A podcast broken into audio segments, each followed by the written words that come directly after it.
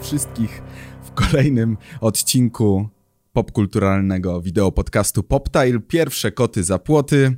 Już wiem, co muszę poprawić, czego nie muszę poprawić. Wiem, że na pewno muszę się mniej jąkać i poszerzyć zasób słownictwa. Wiem też, że mogłoby być to trochę krótsze, ale z drugiej strony przecież to nie jest radio. Nie musimy mieć wejść dwuminutowych. Możemy sobie gadać ile chcemy, na jaki temat chcemy, nie przejmować się e, reklamami czy panem realizatorem, który mówi, że za, za 20 sekund piosenka. Tak więc zaczynamy drugi odcinek wideo podcastu Poptile.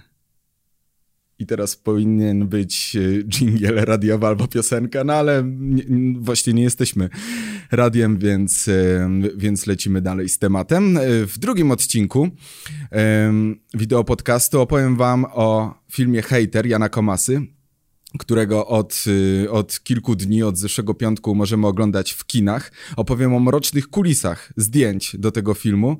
Opowiem też, co łączy ten film z filmem Joker – słuchacze audio podcastu na, na, na, Spotify, Google Podcast i, i, i, Apple Podcast y, tego nie widzą, ale tutaj na telewizorze wyświetlany mamy, wyświetlane mamy trailery y, Jokera i Hatera, nawet one podobnie kolorystycznie ze sobą korespondują, jakby to był ten sam film, ale to zaraz o, o, opowiem o tym, że nikt z nikogo nie ściągał, a w drugiej części podcastu opowiem wam o, a raczej polecę, co oglądać y, w ramach oczekiwania na kolejny, trzeci już odcinek podcastu, jakie seriale.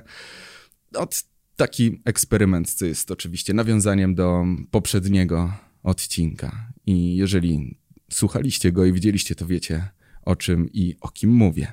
Hater to jak mówiłem, najnowszy film Jana Komasy. Jana Komasy, czyli tego pana od Bożego Ciała. On wspólnie go stworzył razem z Mateuszem Pacewiczem, który też y, napisał scenariusz do Bożego Ciała. Jana Komasę znamy, wypłynął tak naprawdę na bazie filmu Sala Samobójców. Hater jest takim, taką luźną kontynuacją pojawia się tam pewne wspomnienie pewnych wydarzeń z pierwszego filmu, jednak to dwa zupełnie inne dzieła. Yy, oczywiście przez ten czas y, pan reżyser Jan Komasa dojrzał, dojrzały też jego filmy, więc jest też bardziej poważnie. Yy, bardziej poważna jest też tema tematyka tego filmu. Yy, jako, że już minęło trochę od premiery, to może nie będę bardzo spoilerował, ale nawiążę y, do, do, do, do głównego motywu tego filmu, ponieważ y, dzięki temu będę mógł łatwiej opowiedzieć o tych mrocznych kulisach. Zacząłem wesoło, ale teraz sprawa jest y, bardziej taka poważna, ponieważ film Hater przypadkowo, zupełnie przypadkowo współgrał z wydarzeniami z zeszłego roku, a mianowicie z zamachem na Pawła Adamowicza opowieść w tym filmie. Tutaj też no, nie będę zdradzać zakończenia, więc się nie martwcie, nie będę mówić, czy główny bohater dokonał zamachu, czy, czy, czy w ogóle ten zamach się udał. Zresztą Jan Komasa w ostatnim wywiadzie dla Newsweeka, nawet na okładce jest jego cytat, tam zdradza zakończenie filmu, więc jeżeli jeszcze nie widzieliście, to nie patrzcie, ale to jest o tyle istotne, że yy, zresztą posłuchajcie, Jan Komasa udzielił wywiadu jeszcze na długo przed, przed premierą filmu, na długo przed tym, e, zanim zrobił się wokół niego szum. Udzielił wywiadowi dziennikowi Gazeta Prawna i opowiadał w rozmowie z Magdelą Rigamonti o tych mrocznych i naprawdę przerażających kulisach tego filmu. Owszem, e, to co się dzieje w Polsce, te nastroje społeczne, podział społeczeństwa, ten hejt, który obserwujemy codziennie w sieci, obserwujemy na Twitterze, obserwujemy w mediach, e, mógł skłonić do myślenia, że prędzej czy później ktoś, jakiś szaleniec dokona e, zabójstwa polityka. Jednak to, to jest tak naprawdę nic, jeżeli spojrzymy na daty i fakty z tego filmu. Fakty te fikcyjne, no bo film jest totalną fikcją. Pytanie od, od pani redaktor. Inspirował się pan zamachem i zabójstwem prezydenta Adamowicza? Nie, bo zdjęcia skończyliśmy w grudniu 2018 roku, a prezydent zginął 13 stycznia 2019 roku. Czyli film Ostatni klaps na planie padł miesiąc przed zabójstwem Pawła Adamowicza, a w filmie planowany jest zamach też na lewicowego polityka, granego przez Macieja Sztura. I dalej. Ten zamach był jedyną rzeczą w filmie, która była absolutnie political fiction. Co więcej, imię filmowego prezydenta to Paweł, tak jak Paweł Adamowicz, a imię zamachowca to Stefan, tak jak Stefan Nożownik, który dokonał, do, dokonał zabójstwa prezydenta na finale Wielkiej Orkiestry Świątecznej Pomocy. No i kolejne pytanie, czy scenarzysta jest taki profetyczny? Nikt nie wie, jak to się stało, naprawdę. To jest wszystko trudne do wytłumaczenia. Scenarzystą też jest Mateusz Pacewicz. Co więcej, data premiery wpisana do dystrybucyjnych papierów ponad rok temu, yy, o, oczywiście tutaj mówimy o rok temu, w, w, momencie, kiedy się ukazywał wywiad, została zaplanowana na 13 stycznia 2020 roku, dokładnie w rocznicę zamachu. Mam z tym problem, jednak stało się tak, jakby rzeczywistość nas chciała dogonić. Jak wiemy, premiera filmu Hater prawdopodobnie została przesunięta na, na, na 6 marca. Pewnie to też miało związek E, z Oscarami, bo jak wiemy, poprzedni film Jana Komasy, Boże Ciało, był nominowany do Oscara. Przegrał niestety z Parasite'em, e, który zresztą też e, ma wiele cech wspólnych, jeżeli chodzi o komentarz do współczesnego społeczeństwa, o niekończącej się batalii między klasą niższą a, a klasą wyższą, o pogardzie dla elit i, i od tej drugiej strony, czyli pogardzie elit dla ludzi, ludzi uboższych, ludzi z niższych warstw społecznych. To zresztą też jest doskonale przedstawione e, w hejterze. Tak więc można powiedzieć, że twórcy hejtera mają dar jasnowidzenia albo raczej są świetnymi obserwatorami. Jednak myślę, że woleliby nie przewidywać y, tak potwornej tragedii, której rany się jeszcze nie zagoiły w sercach wielu Polaków, ale woleliby na przykład y, przewidywać numery w Totolotka. Są też y, świetnymi obserwatorami, bo w tym samym czasie stworzyli bardzo podobne filmy o, o, z bardzo podobnym motywem, z bardzo podobną tematyką, co Todd Phillips, czyli reżyser filmu Joker, który y, otrzymał e, dwa Oscary na tegorocznej gali. Y, i co ciekawe, tutaj nie ma tak, że ktoś od siebie ściągał, tylko filmy powstawały mniej więcej w tym samym czasie, miały premierę też mniej więcej w tym samym czasie. Joker miał oczywiście w październiku zeszłego roku, hater przed tygodniem. I teraz opowiem, co tak naprawdę łączy oba filmy. Pierwsza cecha wspólna to postać głównego bohatera jest takim mimowolnym outsiderem. Gdzie pracujesz? W internetach. Ludzie traktują go trochę jak dziwaka. Nie, nie jest właśnie takim seksownym i tajemniczym Jamesem Deanem, który się gdzieś trzyma na uboku i, i, i, i, i skrada serce, serca kobiet. Wręcz przeciwnie, oni y, mają problemy z kobietami i szczególnie to w przypadku Tomka, czyli postaci z hejtera, staje się takim motorem napędowym jego działań. Arthur Fleck, czyli Joker, y, możliwe, że aż tak bardzo nie zależy mu na tym, żeby być y, z kimś, bardziej mu zależy na tym, żeby w ogóle był akceptowalny w społeczeństwie, ale także zależy mu na tym, żeby być y, stand-uperem. Jednak zostaje bardzo, bardzo nieładnie potraktowany przez swojego idola. E, podobnie zresztą jak Tomek źle zostaje potraktowany przez dziewczynę, w której ulokował swoje uczucia i nie może to się dobrze skończyć, jeżeli ktoś jest bardzo, bardzo zdeterminowany. Druga rzecz, która łączy obie postacie, to perfekcyjne role. Perfekcyjne role, yy, no, rola Joaquina Phoenixa była tak dobra, że dostał Oscara, więc tutaj nie, nie, nie muszę chyba nikomu tłumaczyć, dlaczego jest doskonałym aktorem. Jest jeszcze wspaniałą osobą, bo y, dzień po gali poszedł i uratował krowę oraz, oraz cielaka, bo te, też jest obrońcą praw zwierząt, jest wegetarianinem, weganinem prawdopodobnie. E, w filmie potrafił grać nawet plecami. Są sceny, kiedy się tak wygina potwornie i naprawdę wygląda to przerażająco i, i, i, i tym bardziej buduje taką postać, której mamy się bać, którą strach jest się trochę bać, a do której z drugiej strony yy, czujemy sympatię. Z kolei Tomek, grany jest przez Macieja Musiałowskiego. Przyznam szczerze, że Wcześniej y, nie słyszałem o tym aktorze. On y, zdobył sławę dzięki serialowi Druga Szansa. Nie oglądałem tego serialu. Też był wielokrotnie nagradzany za swoje role teatralne. Jednak ta cała jego kariera przeszła mi bokiem. Jednak po tej roli na pewno będę go śledził, ponieważ zagrał też doskonale. Jest takim aktorem, że mi się wydaje, że. Bo też z nim rozmawiałem, jest zupełnie inną postacią yy, prywatnie. Wyluzowany, w koszuli był fajny mo może nie tak fajny jak ja mam yy, te teraz na sobie. Okulary yy, fluorescencyjne, totalny luźny gość. Jednak w filmie widać, że potrafi zagrać każdą emocję. tak jakby reżyser mówi, płacz teraz on płacze, wpadnij w gniew i on się wścieka, ale dodatkowo świetnie potrafi grać oczami i mimiką. Widać w tym jego spojrzeniu determinację, ból, rozpacz, pełen wachlarz emocji. Jako widz czujemy znaczy podejrzewamy, co czuje yy, i troszkę go rozumiemy, a przynajmniej rozumiemy, dlaczego on to robi, no bo yy, yy, oczywiście nie pochwalamy tych, tych jego działań. To, to też jest największa różnica pomiędzy obiema postaciami, a mianowicie Jokerowi trochę współczujemy, bo to jest osoba z zaburzeniami psychicznymi, która lgnie do ludzi, która szukała pomocy, która była cały czas odtrącana, więc w końcu dokonuje zemsty.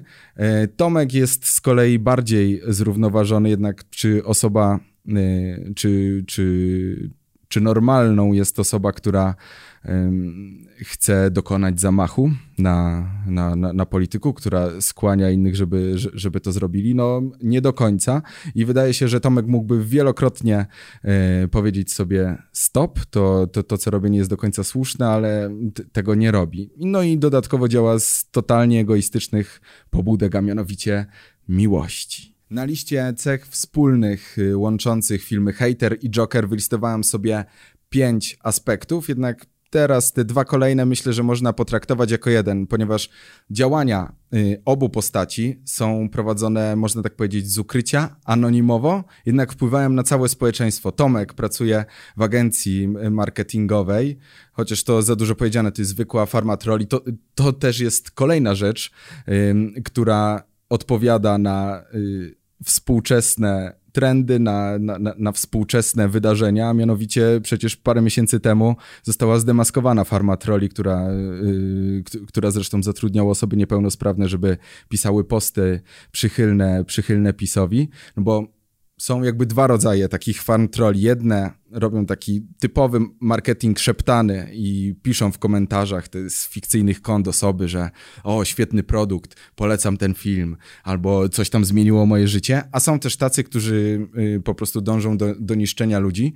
I taką właśnie osobą jest y, Tomek z hejtera, który też napuszcza na siebie takich, można powiedzieć, stereotypowych lewaków i stereotypowych narodowców. E, z kolei Joker e, sprawia, że społeczeństwo powstaje. Jest bunt taki u podstaw, wszyscy mają maski w stroju klauna, ich działania po prostu zmieniają totalnie przynajmniej tą część świata, w której, w której żyli.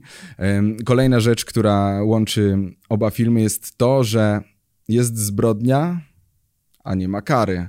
Czyli ich y, działania są, y, są tak naprawdę bez większych konsekwencji, takich negatywnych, y, prowadzone. Tak więc ostatnia rzecz, po tym jak obaj bohaterowie zostają takimi anonimowymi bohaterami w ich światach, jest wydźwięk finału obu filmów, a mianowicie gloryfikacja przemocy w słusznym celu, gloryfikacja e, zła i, i, i złoczyńców. No, nie do końca. To nie jest tak, że jak jesteś gnębiony e, przez całe życie, to należy ci się zemsta, a sprawiedliwość będzie po twojej stronie. Przez kilka tygodni zachodni dziennikarze, zachodni recenzenci e, ostrzegali przed tym filmem, że zaraz tłumy ludzi wybiegną na ulicę i będą strzelać do innych z karabinów, że będą kolejne zamachy, strzelaniny w szkołach i tak dalej. Właśnie wydźwięki obu filmów, ja, ja też tak na początku e, trochę myślałem, że że kurczę,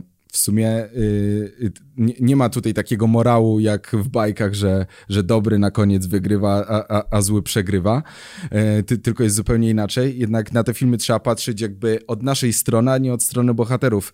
Te filmy pokazują, co się może wydarzyć, jeżeli nie zmienimy swojego sposobu życia, swojego sposobu patrzenia na świat, e, swojego sposobu pisania w internecie, oceniania innych. Nie wyjdziemy poza nasze bańki, nie, stanie, nie, nie postaramy się zrozumieć tej drugiej strony.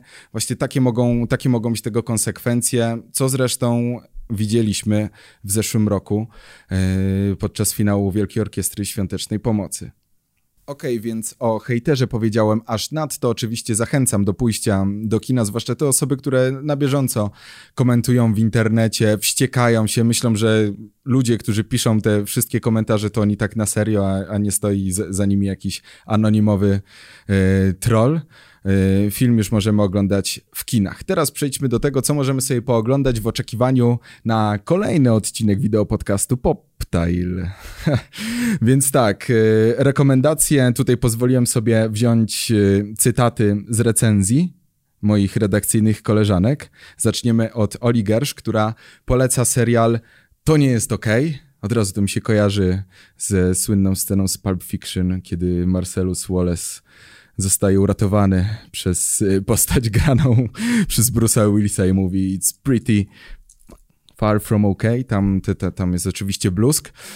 Y, ten serial nie jest aż taki do końca OK, ale jest idealny do obejrzenia w jeden wieczór, taki dłuższy albo w dwa wieczory, bo ma zaledwie 7 odcinków E, każdy po 30 minut, wszystkie są na Netflixie. Ale posłuchajmy, co Ola Gersh miała do powiedzenia na ten temat. Zaczęła od tego, że odnajdą się w nim fani takich serialów jak The End of the Fucking World, e, serialu Stranger Things i Sex Education, e, ponieważ bardzo bardzo dużo jest tym nawiązań, to są chyba zresztą twórcy któryś z tych produkcji. Ja jeszcze nie oglądałem, dlatego nie mogę, nie, nie mogę się wypowiedzieć.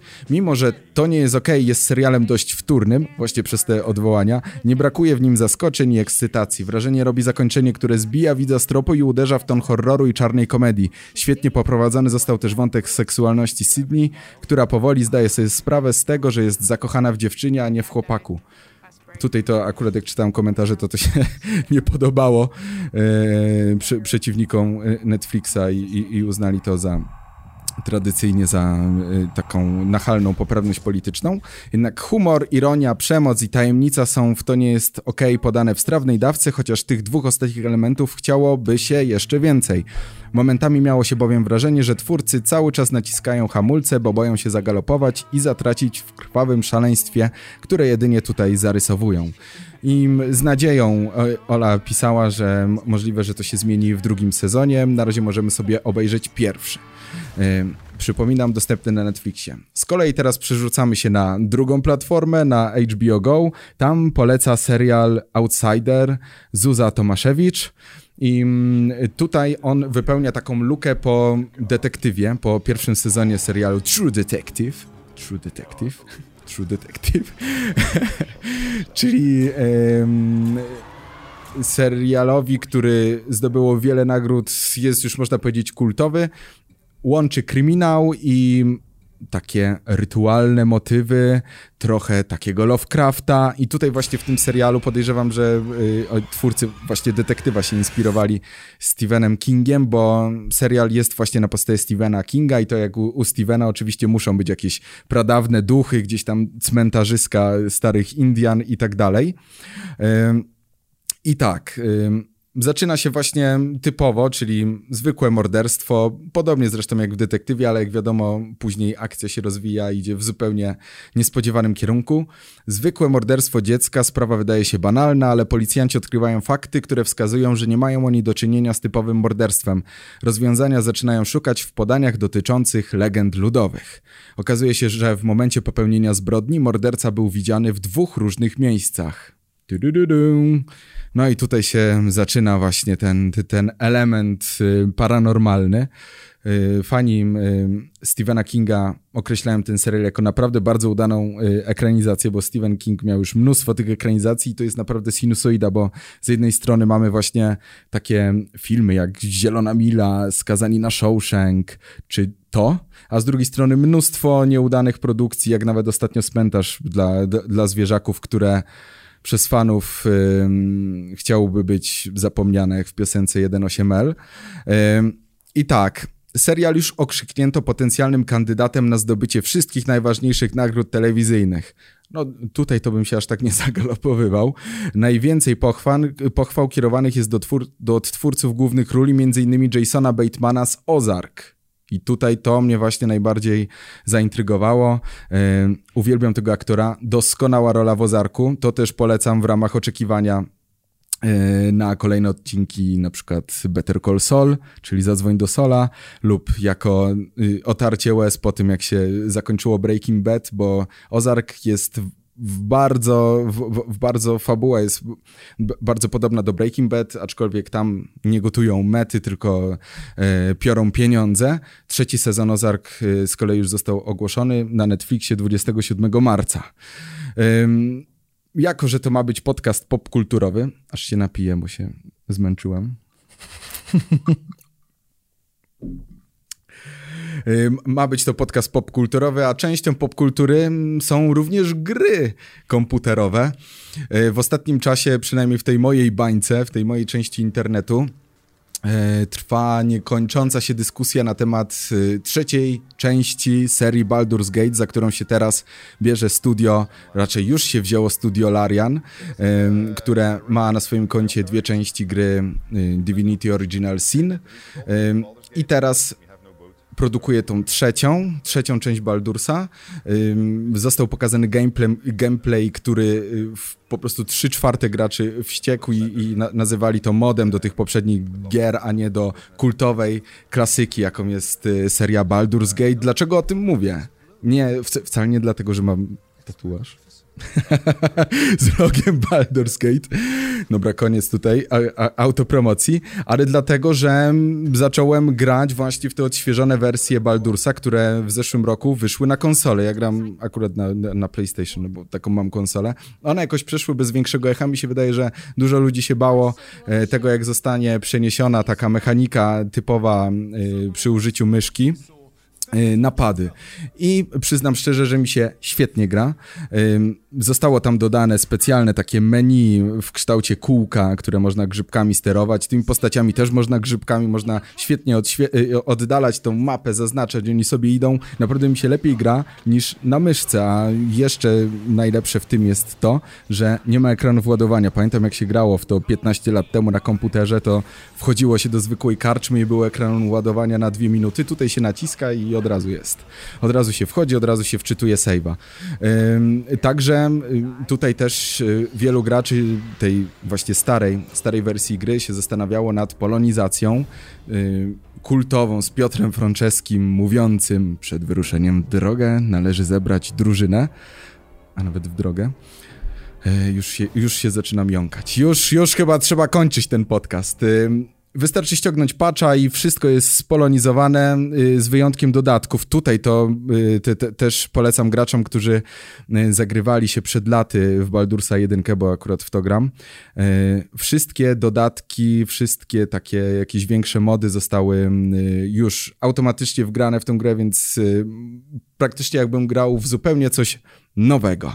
Więc y, polecam to, zamiast się wściekać na trzecią część Baldursa, która pewnie okaże się mega niewypałem, bo, bo na taką się zapowiada. I mam nadzieję, że nie będą takie trudne questy jak w tych, jak w tych y, pierwszych jak w pierwszym Divinity Original Sin, że bez solucji ja jako stary wyga RPGowy nie, nie, nie mogłem rozgryźć nawet tych głównych e, wątków fabularnych.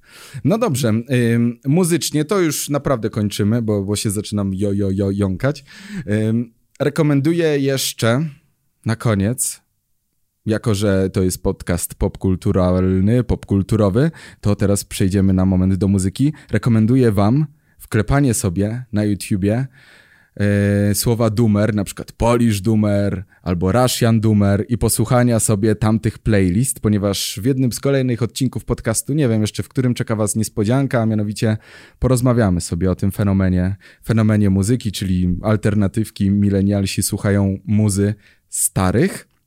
Więc to sobie możecie posłuchać. Wiecie, co oglądać w oczekiwaniu na kolejny odcinek podcastu. Ja się z wami nie żegnam, bo ostatnio się właśnie pożegnałem, tylko mówię do widzenia, Do zobaczenia w kolejnym odcinku wideo podcastu PopTile. Ja się nazywam Bartosz Godziński. Po drugiej stronie kamery jest Mateusz Trusewicz, któremu bardzo dziękuję za to, że, że tutaj się ze mną męcza, a później wkleja różne filmiki. To, to, to na pewno nie jest łatwe, dlatego mu dziękuję i do usłyszenia za tydzień w czwartek.